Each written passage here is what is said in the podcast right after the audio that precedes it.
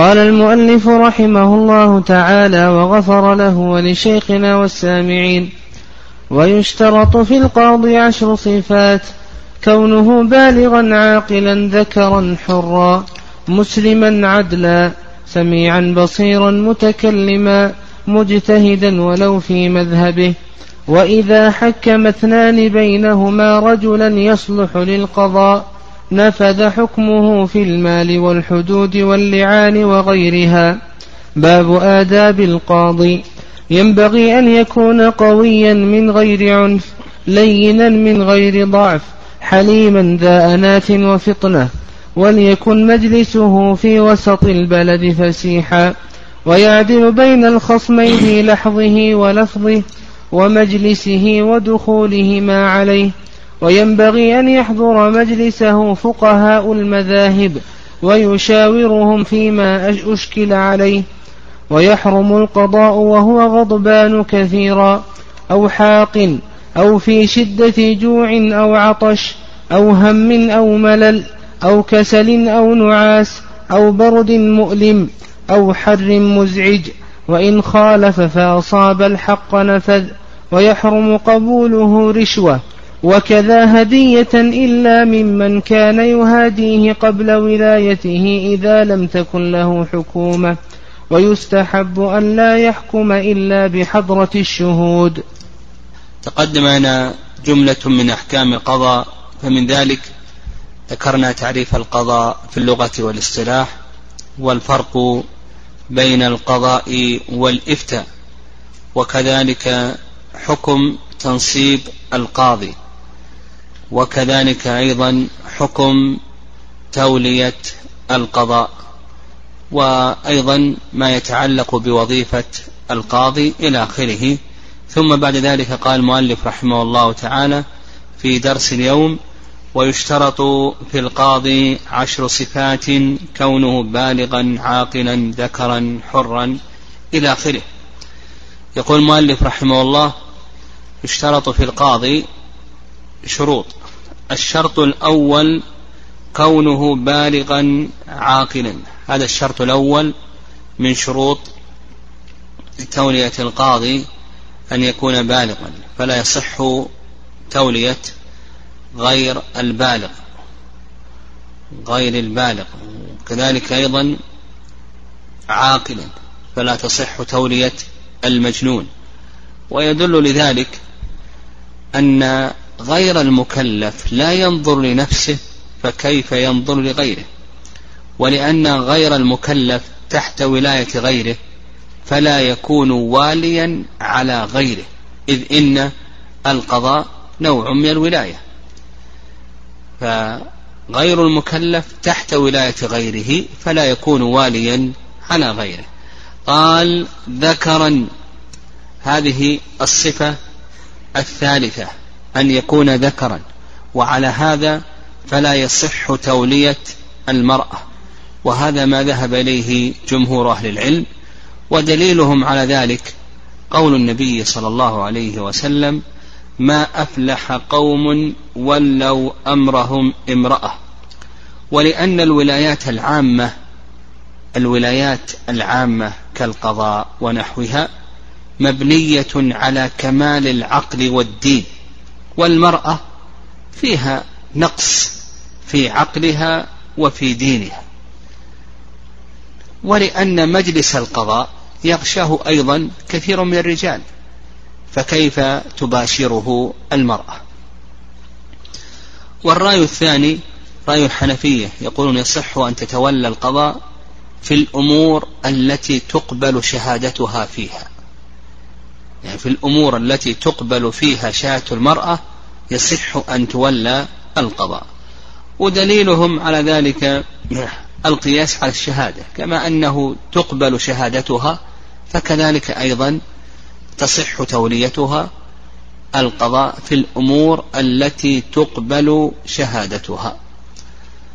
ويجاب عن هذا بأن, بأن هناك فرقا. بين الشهادة وبين القضاء لأن الشهادة إنما هي مجرد إخبار بخلاف القضاء فإن القضاء يحتاج إلى تصور المسألة. نعم القضاء يحتاج إلى تصور المسألة. وكذلك أيضا الشهادة تكون عارضة. المرأة ليست دائما تشهد بخلاف القضاء فإنه يكون دائما. وعلى هذا الصواب في هذه المسألة ما ذهب إليه جمهور أهل العلم رحمهم الله. عند الطبري وابن حزم أنه يصح أن تتولى القضاء مطلقا لعمومات وهذا ضعيف. نعم هذا ضعيف لما تقدم. قال حرا هذا الشرط الرابع. أن يكون حرا وعلى هذا الرقيق لا يصلح أن يكون قاضيا. وهذا قول جمهور أهل العلم. قالوا لأن الرقيق مشغول بخدمة سيده. الرقيق مشغول بخدمة سيده. والرأي الثاني الرأي الثاني أنه يصح أن يتولى القضاء إذا أذن له سيده. نعم لأن ما دمنا نقول بأنه مشغول بحقوق سيده فإذا أذن له سيده انتفت العلة. وهذا نعم آه، وهذا القول هو الصواب. نعم هذا القول هو الصواب. آه. وعند الحنفية يصح أن يتولى الرقيق القضاء لكن لا تنفذ أحكامه إلا إذا عتق. يعني إذا عتق صحت أحكامه لكن هذا ضعيف. الصواب في هذه المسألة. نقول إذا أذن له سيده كما قاله بعض الحنابلة فإنه يصح أن يتولى القضاء. قال مسلما هذا الشرط الخامس. اشترطوا أن أن يكون مسلما لأن الإسلام يعلو ولا يعلى عليه. ولا شك أن القضاء فيه علو. يعني فيه علو. والله عز وجل يقول ولن يجعل الله الكافرين على المؤمنين سبيلا ولأن الكافر لا يؤمن. نعم الكافر لا يؤمن على قضايا المسلمين. قال عدلا هذا الشرط السادس أن يكون عدلا. نعم وهذا قول جمهور أهل العلم أنه يشترط أن يكون عدلا لأن الله عز وجل قال يا أيها الذين آمنوا إن جاءكم فاسق بنبأ فتبينوا. فقال الله عز وجل إن جاءكم فاسق أمر بالتبين من من خبر الفاسق. فلا يكون أن يج فلا يجوز أن يكون الحاكم ممن لا يقبل قوله بل لا بد أن يتبين قوله. الله عز وجل يقول يا أيها الذين آمنوا إن جاءكم فاسق بنبأ فتبينوا. فإذا كان الفاسق يتبين الله عز وجل أمر بأن يتبين خبره فكيف يكون قاضيا؟ لأنه إذا كان قاضيا نحتاج إلى أن نتبين خبره. والرأي الثاني أن العدالة ليست شرطا. يعني وهذا قال به بعض الحنفية وبعض المالكية ويصح أن يكون فاسقا لأن ركن العمل هو ماذا؟ الأمانة والقوة. إن خير من استأجرت القوي الأمين. وعلى هذا إذا كان أمينا إذا كان أمينا على قضاياه فيصح أن يتولى القضاء. وهذا القول يظهر والله أعلم أنه هو الصواب.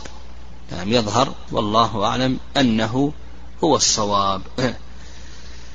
لكن مع ذلك يتحرى العدل لكن قد يحتاج إلى الفاسق ما دام أنه أمين. قال سميعا وهذا ما عليه هذه الشرط السابع أن يكون سميعا. وهذا قول جمهور أهل العلم لأن الأصم لا يسمع كلام الخصمين. نعم الأصم لا يسمع كلام الخصمين. فلا بد أن يسمع لكي يفرق بين الإقرار وبين الإنكار إلى آخره. وعند المالكية يصح أن يتولى الأصم القضاء للعمومات.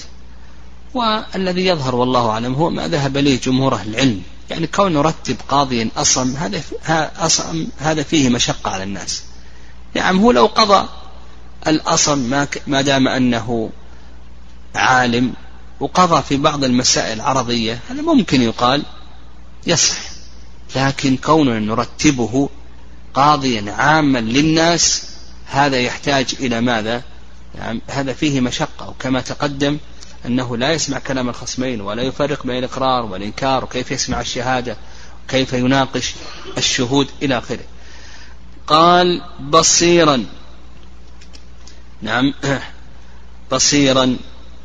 وهذا يعني يقول لك هذا هو الشرط. كم؟ الثامن. نعم هذا هو الشرط الثامن أن يكون بصيرا. لأن الأعمى لا يعرف المدعي من المدعى عليه. وهذا أيضا هو قول جمهور أهل العلم. وعند المالكية نعم عند المالكية يصح أن يكون الأعمى قاضيا. نعم يصح أن يكون الأعمى قاضيا. والنبي صلى الله عليه وسلم ولى ابن أم مكتوم. ابن أم مكتوم وهو أعمى. نعم. وشعيب كان غير مبصر. وللعمومات أيضا العمومات تدل لذلك. فالصحيح في ذلك في هذه المسألة ما ذهب إليه المالكية وهو أنه يصح أن يكون الأعمى قاضيا. نعم يصح. وهو وإن كان والقول بأنه لا يعرف المدعي من المدعى هذا غير صحيح. بل كما سيأتينا آه، آه، التفريق بين المدعي والمدعى عليه وأنه يتمكن الأعمى من معرفة المدعي من المدعى عليه إلى آخره. قال متكلما. هذا الشرط التاسع. وعلى هذا الأخرس الذي لا يتكلم لا يصح. لما تقدم في الأصل. وهذا ما عليه جماهير العلماء خلافا للمالكية. فجمهور العلماء اشترط أن يكون متكلما لأن الأخرس لا يمكن أن يناقش الشهود. نعم لا يمكن أن يناقش الشهود. ولا يمكنه أيضا أن ينطق بالحكم. وجميع الناس أيضا ليس كل الناس يعرفون إشارته يفهمون إشارته خلافا للمالكية. نعم نعم خلافا للمالكية. والصحيح في ذلك أنه لا يصح تولية الأخرس لما تقدم في الأصل الذي لا يسمع لما يترتب على ذلك من المشقة. نعم يصح. يعني لو كان في مسائل عارضة نقول بأن هذا يصح. قال مجتهدا ولو في مذهبه هذه هذا الشرط العاشر. نعم الشرط العاشر يشترط أن يكون مجتهدا. نعم يشترط أن يكون مجتهدا. وعلى هذا إذا كان ليس من أهل الاجتهاد لا يصح أن يولى القضاء. وهذا ما عليه أكثر أهل العلم. أكثر أهل العلم قالوا بأنه يشترط أن يكون مجتهدا. لأن الله سبحانه وتعالى أمر بالتحاكم إلى ما أنزله في كتابه وسنة رسوله صلى الله عليه وسلم. ولم يأمر بالتقليد. يعني أمر الله عز وجل بالتحاكم إلى كتابه وسنة رسوله. ولم يأمر بالتقليد. وعلى هذا لا بد أن يكون مجتهدا. والرأي الثاني رأي أبي حنيفة رحمه الله تعالى أنه لا يشترط أن يكون مجتهدا. نعم. فيصح أن يولى غير المجتهد. و نعم. وهذا القول هو الأقرب. واليوم يعني ما يمكن أن يولى إلا المجتهد. يعني بلغ رتبة الاجتهاد العلم بالفقه والسنة وكذلك أيضا أصول أصول الفقه ومواقع الإجماع والناسخ والمنسوخ إلى آخر ما ذكر العلماء رحمه الله في شروط المجتهد. هذا صعب جدا. نعم. الصواب في ذلك نعم كما قال بعض أهل العلم للضرورة أنه يولى غير المجتهد. يعني يولى غير المجتهد. لكن القاضي لا يجوز له أن يقضي إلا بالعلم. لا يجوز له أن يقضي بالجهل. فيسمع كما هو كما يفعل الآن القضاة. يسمع من الخصمين ثم بعد ذلك يدرس المسألة. ثم بعد ذلك بعد أن يدرس المسألة أو يعرف كلام العلماء في هذه المسألة يحكم بين الخصمين حسب دراسته لهذه المسألة. قال المؤلف رحمه الله ولو في مذهبه. يعني المؤلف رحمه الله خفف المسألة. يعني يقول مجتهد ليس مجتهد الاجتهاد المطلق وإنما يكفي أن يكون مجتهدا في مذهب إمامه الذي يقلده الذي يقلد إمامه. فيراعي ألفاظ إمام آه، ألفاظ إمامه ويقلد كبار المذهب ويحكم بذلك.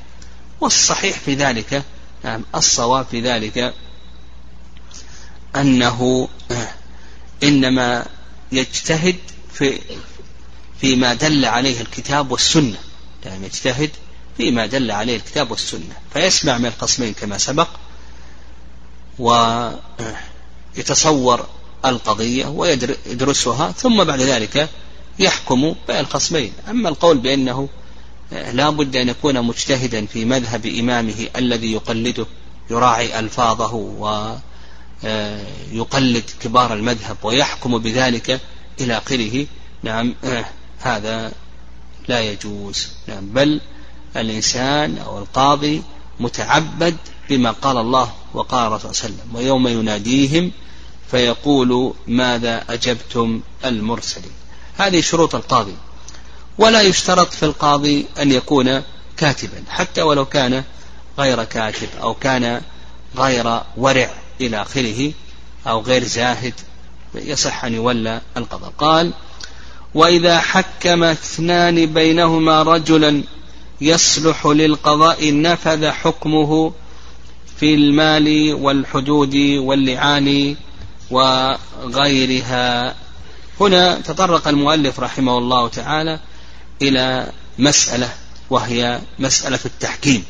يعني لو أن رجلين أو أكثر إلى آخره لم يذهبوا إلى القاضي في المحكمة لخشية طول إجراءات الأنظمة وعمد أو عمدوا إلى شخص لكي يحكم بينهم. فهل هذا جائز أو ليس جائزا؟ يقول لك المؤلف رحمه الله بأن هذا جائز لأن هذا وارد عن الصحابة رضي الله تعالى عنهم فإن عمر عمر وأبي تحاكم إلى زيد بن ثابت وتحاكم عثمان وطلحة إلى جبير بن مطعم. فالتحاكم إلى شخص هذا جائز ولا بأس به. والتحاكم هو أن يولي شخصان شخصا لكي يحكم بينهما. أن يولي شخصان شخصا لكي يحكم بينهما. فالتحكيم من معناه من معانيه الحكم وهو أن يولي شخصان حاكما يحكم بينهما. طيب هذا الحاكم بما يحكم؟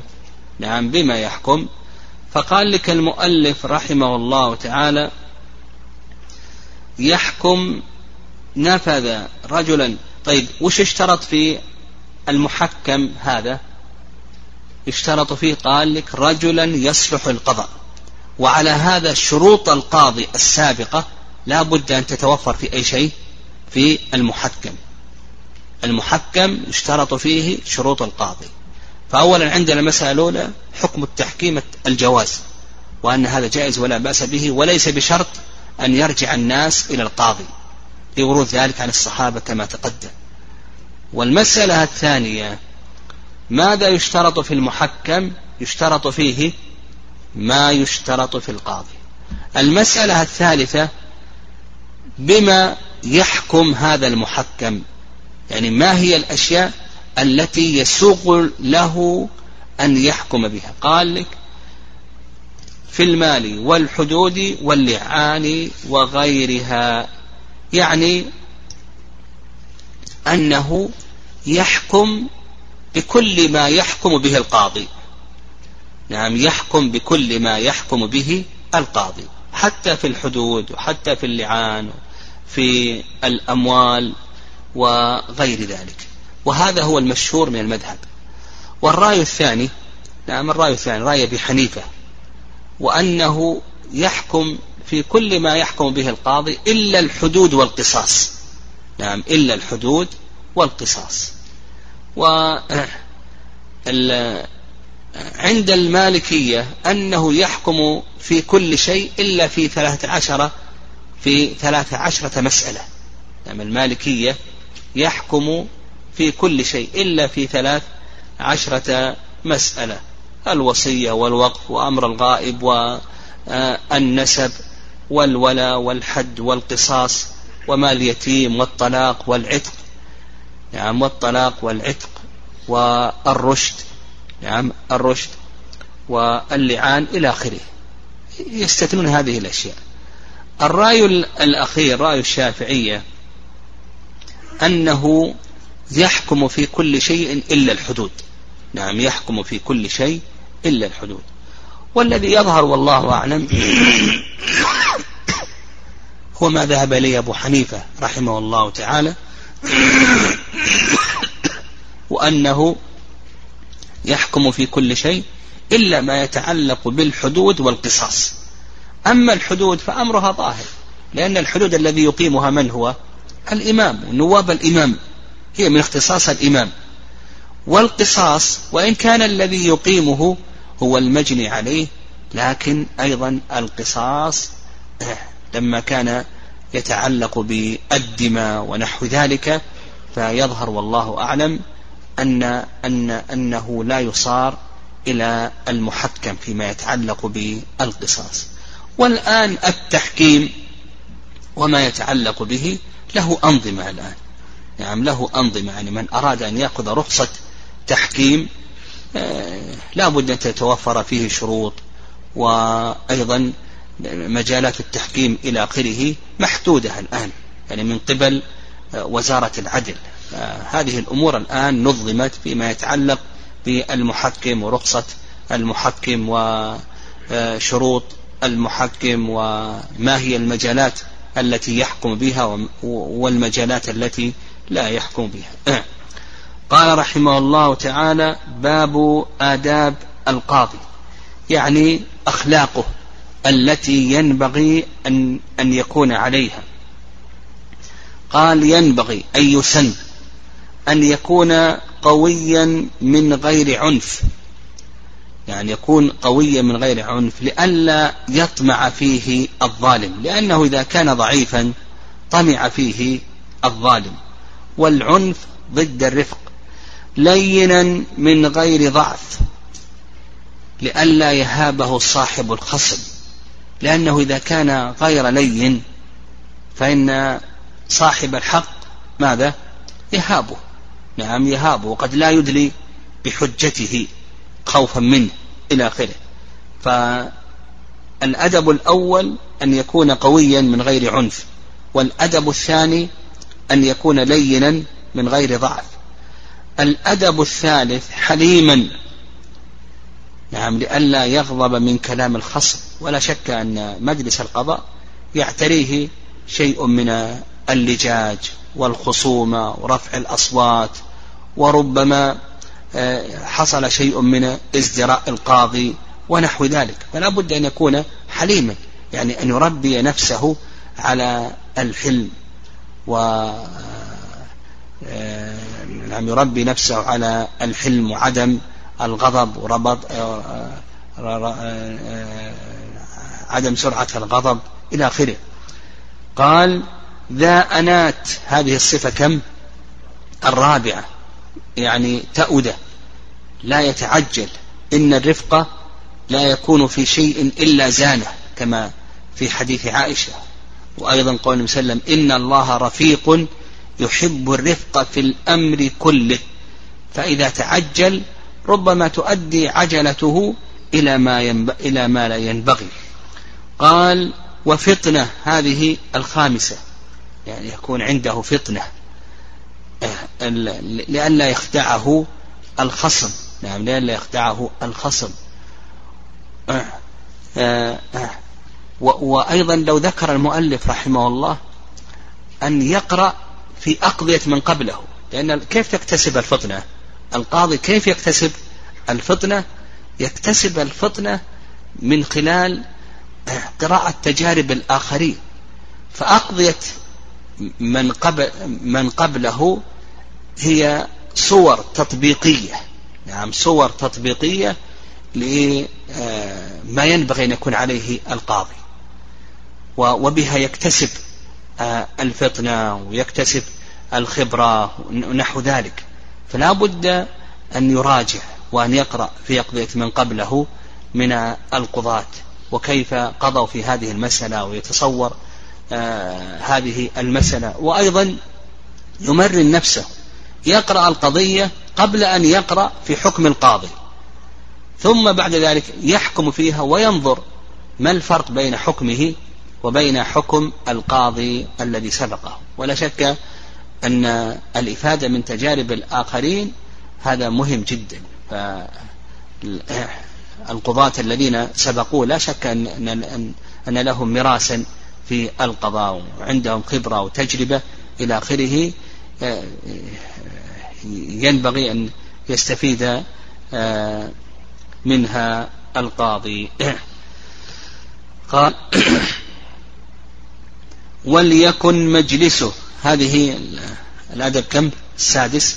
في وسط البلد. فسيحا. يعني يكون مجلسه في وسط البلد. إذا أمكن لكي يستوي أهل البلد في المضي إليه. وهذا من باب العدل. قال ويعدل بين الخصمين. في لحظه. هذا الأدب السابع. يعدل بين الخصمين في لحظة. يعني في نظره. يعني في نظره. لأنه إذا أحد النظر إلى شخص إلى أحد الخصمين وكسره للخصم الآخر يعني هذا فيه نوع نوع من الحيف وعدم العدل. وربما أنه يكسر هذا الخصم الذي حد له النظر. فلا يتمكن من الإدلاء بحجته. قال في لحظه ولفظه. أيضا في لفظ لفظه. فيما يتعلق برفع الصوت وما يتعلق أيضا بهيئة الكلام. قد يرقق الكلام لأحد الخصمين ويخشنه للخصم الآخر. قد آه، آه، يخفضه لأحد الخصمين ويرفعه الخصم الآخر. قد آه، أيضا في هيئة الكلام. قد هذا هذا الكلام لأحد الخصمين يكون لينا وهذا يكون خشنا. هذا خلاف العجل وهو نوع من الحيف قال ودخولهما عليه. يعني دخول الخصمين أيضا يعدل في دخول الخصمين عليه فلا يقدم أحدهما على آه الآخر إلا المسلم مع الكافر فإن المسلم يقدم على الكافر لأن الإسلام يعلو ولا يعلى عليه. قال وينبغي أن يحضر مجلسه فقهاء المذاهب. أيضا هذا الأدب كم؟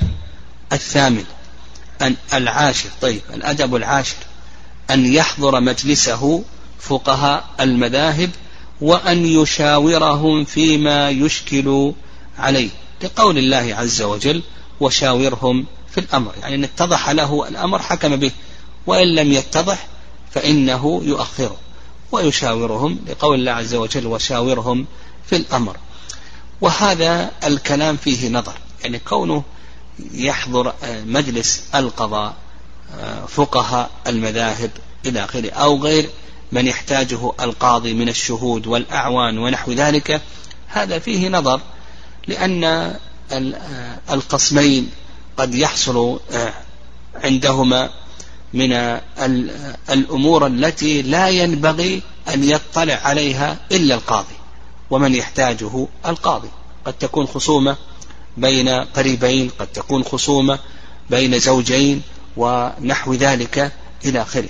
فالقول بأنه آه، ينبغي أو آه، كما ذكر المؤلف ينبغي أن يحضر مجلسه فقهاء المذاهب هذا فيه نظر.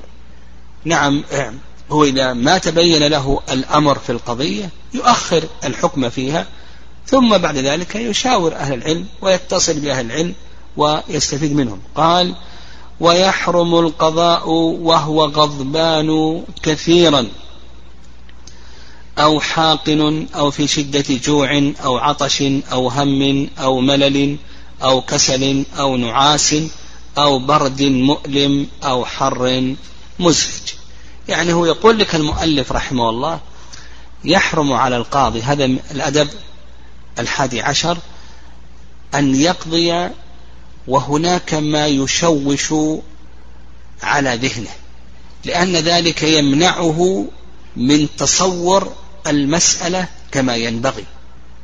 نعم.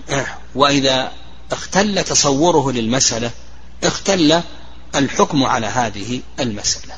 فيحرم آه، القضاء وهو غضبان كثيرا بحيث أبي بكرة أن النبي صلى الله عليه وسلم قال لا يقضين حاكم بين اثنين وهو غضبان خرجاه في الصحيحين.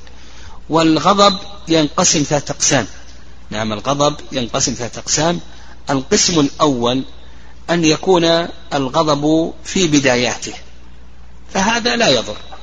يعني إذا كان الغضب يسيرا في بداياته هذا لا يضر ويدل لذلك آه، أن النبي صلى الله عليه وسلم قضى وهو غضبان لما اختصم الزبير ورجل من الأنصار في شراج الحرة. فقال النبي صلى الله عليه وسلم للزبير اسقي ثم أرسل الماء إلى جارك. فقال الأنصاري يا فقال الأنصاري أن كان ابن عمتك أن كان ابن عمتك. فغضب النبي صلى الله عليه وسلم وقال لزبير اسقي ثم احبس الماء حتى يبلغ الجدر.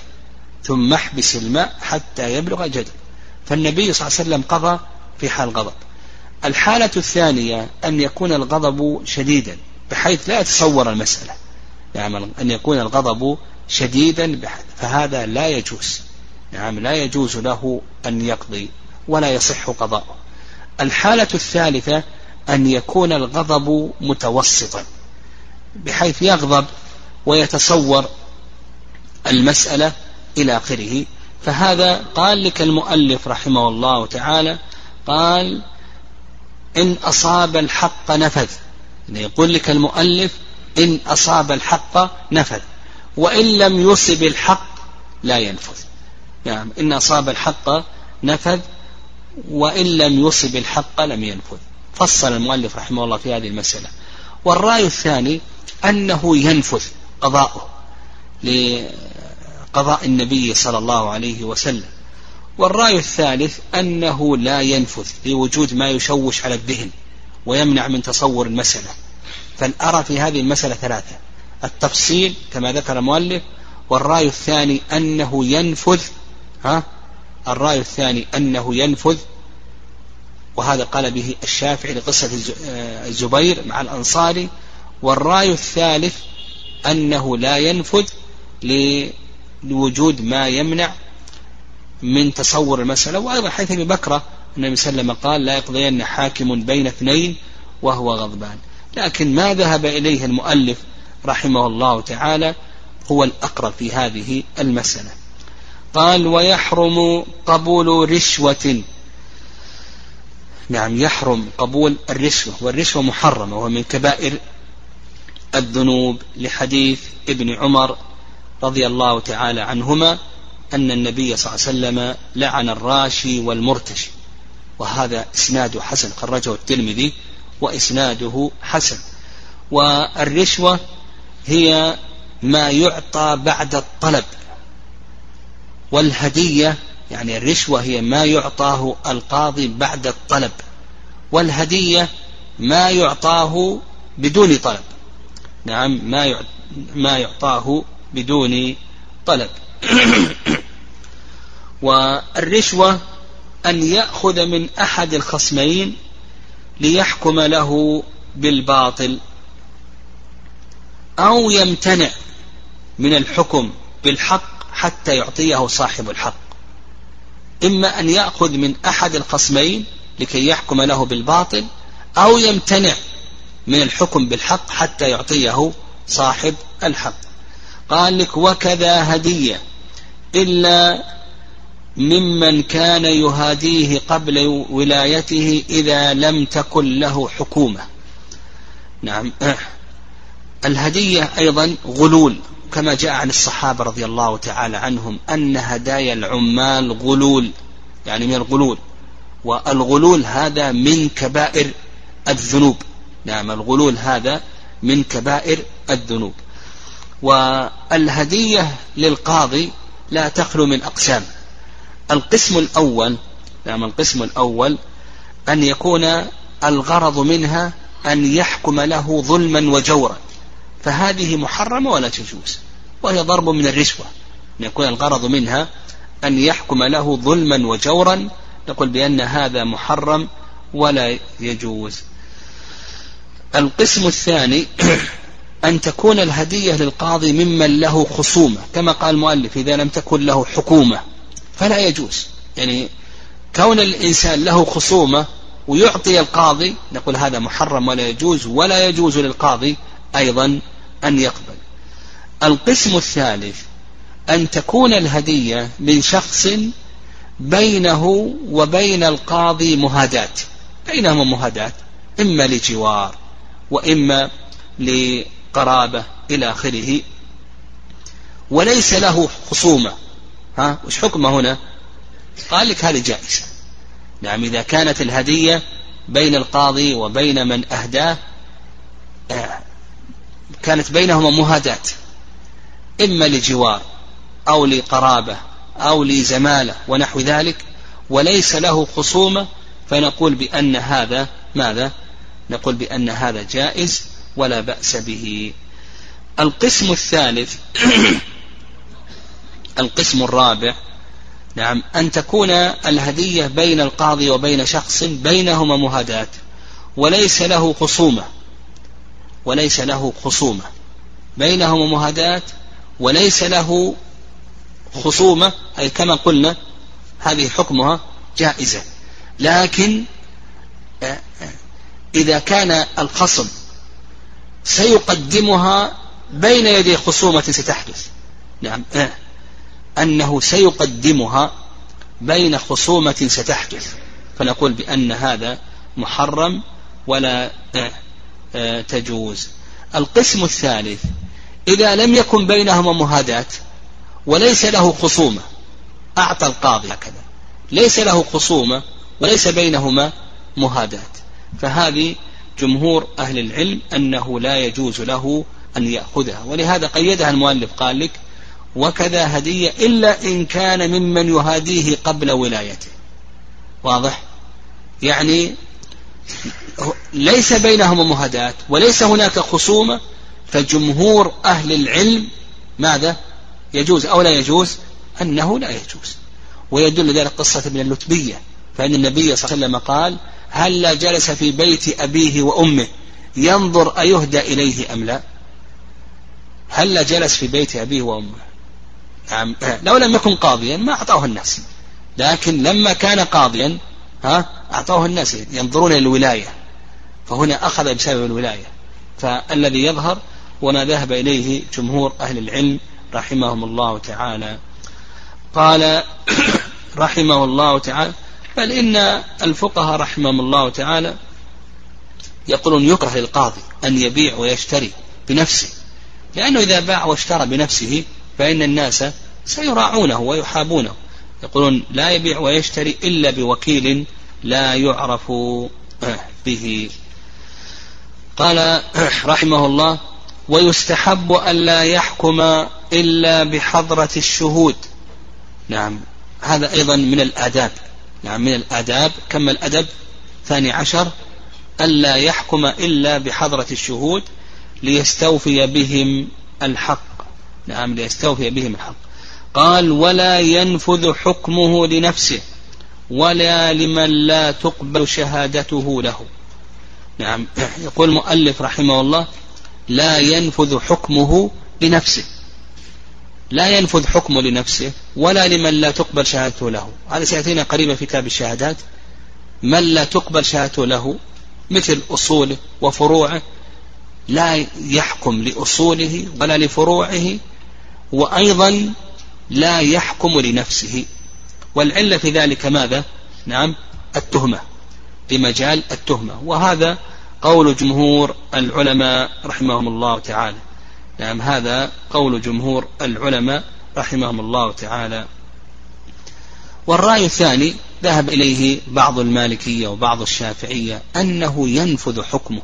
نعم آه نعم آه أنه ينفذ. لماذا؟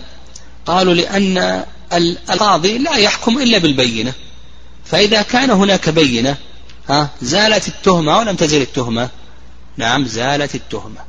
قالوا بأن القاضي لا يحكم إلا ببينة. وعلى هذا إذا كان هناك بينة فإن التهمة تزول. والله أعلم. قال رحمه الله تعالى وعلى هذا عرضت له قضية ها فإنه يتحاكم إلى شخص آخر إلى قاض آخر كما حاكم عمر أبين إلى زيد بن ثابت. رضي الله تعالى عنهما. قال رحمه الله تعالى ومن ادعى على غير برزه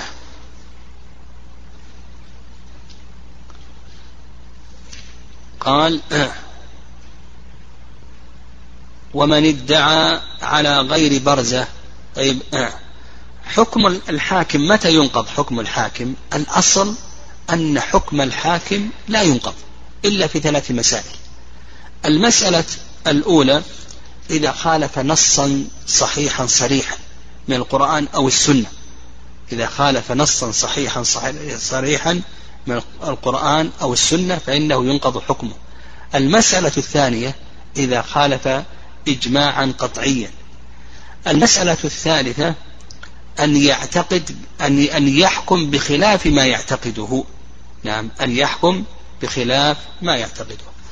قال رحمه الله ومن ادعى على غير برزة يعني ادعى على امرأة لا تبرز من بيتها وإنما هي مستترة في بيتها. قال لك لم تحضر.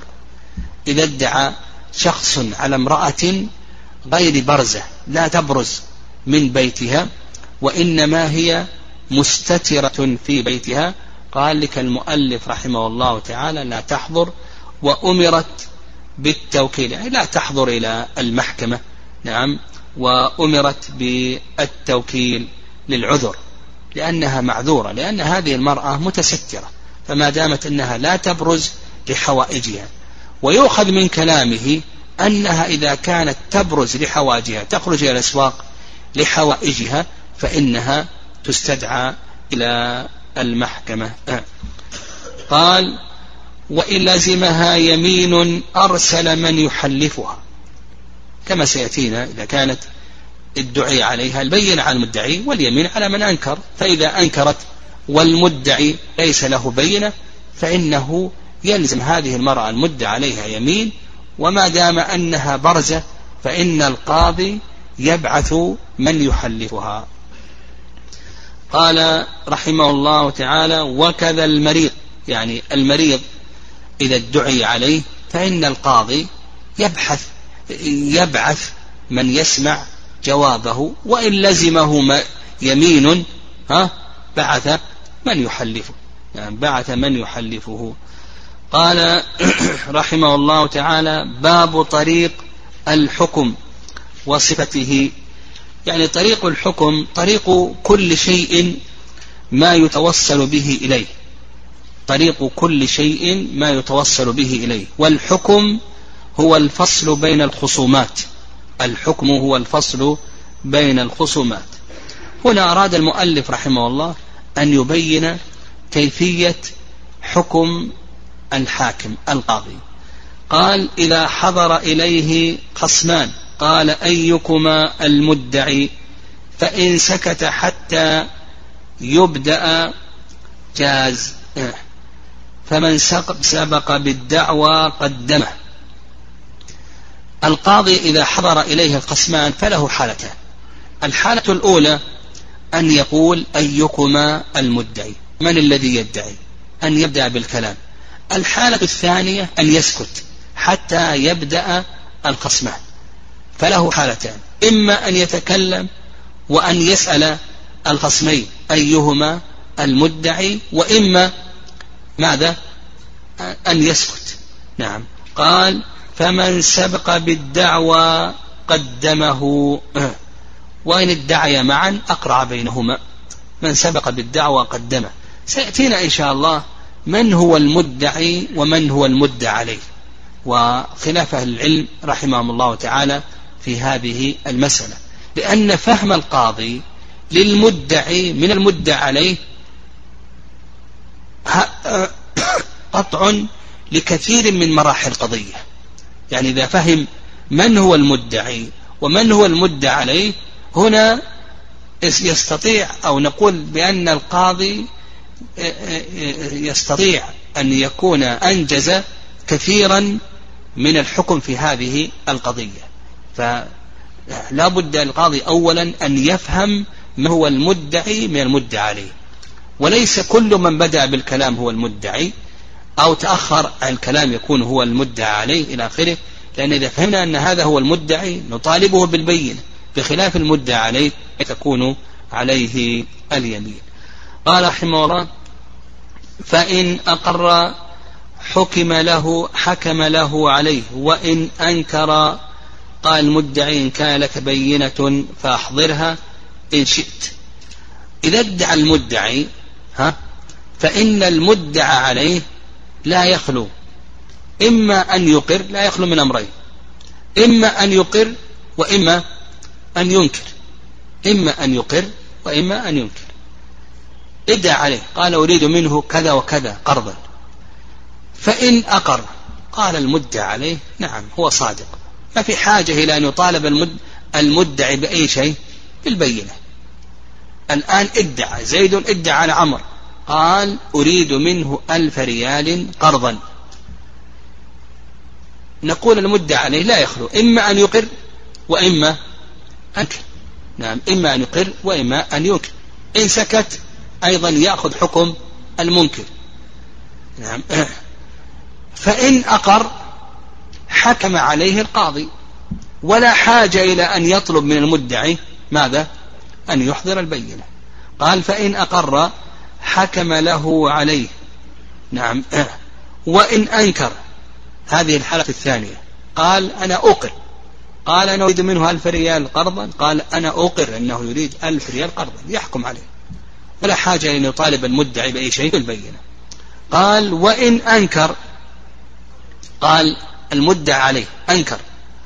قال لا يستحق علي ما ادعى أو لا حق له علي أو هو كاذب ونحو ذلك أو قال آه، ما أقرضني أو كذب علي ونحو ذلك. قال القاضي للمدعي إن كان لك بينة فأحضرها إن شئت. يقول القاضي للمدعي إن كان لك بينة فأحضرها إن شئت. قال فإن أحضرها. هو بالخيار. إن, أحضرها حكم لها حكم بها. إذا لم يحضرها نعم إذا لم يحضرها اليمين على المدعى عليه. نعم. قال إن شئت. فإن أحضرها يعني المدعي أحضر البينة قال سمعها وحكم بها ويحرم أن يرددها أو أن ينتهرها أو أن يعنتها إلى آخره. ويحكم بها أن يحكم بالبينة. طيب قال ولا يحكم بعلمه. نعم القاضي هل يحكم بعلمه أو لا يحكم بعلمه؟ يقول لك المؤلف رحمه الله تعالى القاضي لا يحكم بعلمه إلا في مسائل. نعم إلا في مسائل. المسألة الأولى ما يحدث في مجلسه. كإقرار الخصم نعم المسألة الأولى ما يحدث في مجلسه كإقرار الخصم فيحكم به. المسألة الثانية فيما يتعلق بالجرح والتعديل. إذا كان يعرف عدالة الشهود أو جرح الشهود حكم بذلك. قبل البينة أو رد البينة. المسألة الثالثة لا يحكم بخلاف علمه ولو مع البينة. لا يحكم بخلاف علمه. يعني يعلم أن زيدا أقرض عمرا. نعم يعني ويعلم أن زيدا أقرض عمرا. وزيد هذا المقرض ما عنده بينة ها؟ ما يحكم بأن ما في قرض. يدفع القضية نعم إلى غيره. لأنه يعلم أن هناك قرضا لكن ما يحكم به. ها؟ فلا يحكم بخلاف علمه. فيدفع القضية إلى من؟ ها؟ إلى قاض آخر. نعم. المسألة الرابعة أنه يحكم بعلمه فيما يتعلق بحق الله تعالى على وجه الحسن نعم. يحكم بعلمه فيما يتعلق بحق الله تعالى على وجه الحسن كمن سمع أن زوجا طلق زوجته فإنه يحكم بذلك. نعم إذا سمع أن زوجا طلق زوجته طلاقا بائنا ثم يدعي الزوجية فإنه يحكم بذلك. في هذه المسائل يحكم القاضي بعلمه. ما عدا ذلك هل يحكم بعلمه أو لا يحكم؟ ها؟ المؤلف رحمه الله يقول بأنه لا يحكم وهذا هو المشهور من المذهب. وقال به الإمام مالك ومذهب الحنفية. والرأي الثاني رأي الشافعي أنه يحكم بعلمه. نعم رأي الشافعي أنه يحكم بعلمه. الذين قالوا بأنه يحكم بعلمه استدلوا بأي الذين قالوا بأنه لا يحكم بعلمه قالوا للتهمة. نعم للتهمة. والذين قالوا بأنه يحكم بعلمه استدلوا بأي شيء؟ الذين قالوا بأنه يحكم بعلمه بقصة حديث عائشة في قصة هند. نعم حديث عائشة في قصة هند رضي الله تعالى عنها. فإنها أتت النبي صلى الله عليه وسلم وقالت بأن أبا سفيان رجل شحيح وأنه لا يعطيني وبني ما يكفيني. فقال صلى الله عليه وسلم خذي ما يكفيك ولدك بالمعروف. لكن قالوا بأن هذا مقام وليس مقام قضاء. والذين قالوا بأنه لا يحكم بعلمه للتهمة ولأنه وسلم الشارع. قال البين على المدعي واليمين على من؟ أن أنكر. وقال النبي صلى الله عليه وسلم إنما أقضي على نحو ما أسمع. على حسب ما أسمع من البينات. نعم. ما عدا ذلك لا. وهذا القول هو الصواب. يعني كونه ما يقضي بعلمه نعم هذا هو الصواب في هذه المسألة. والله أعلم. وصلى الله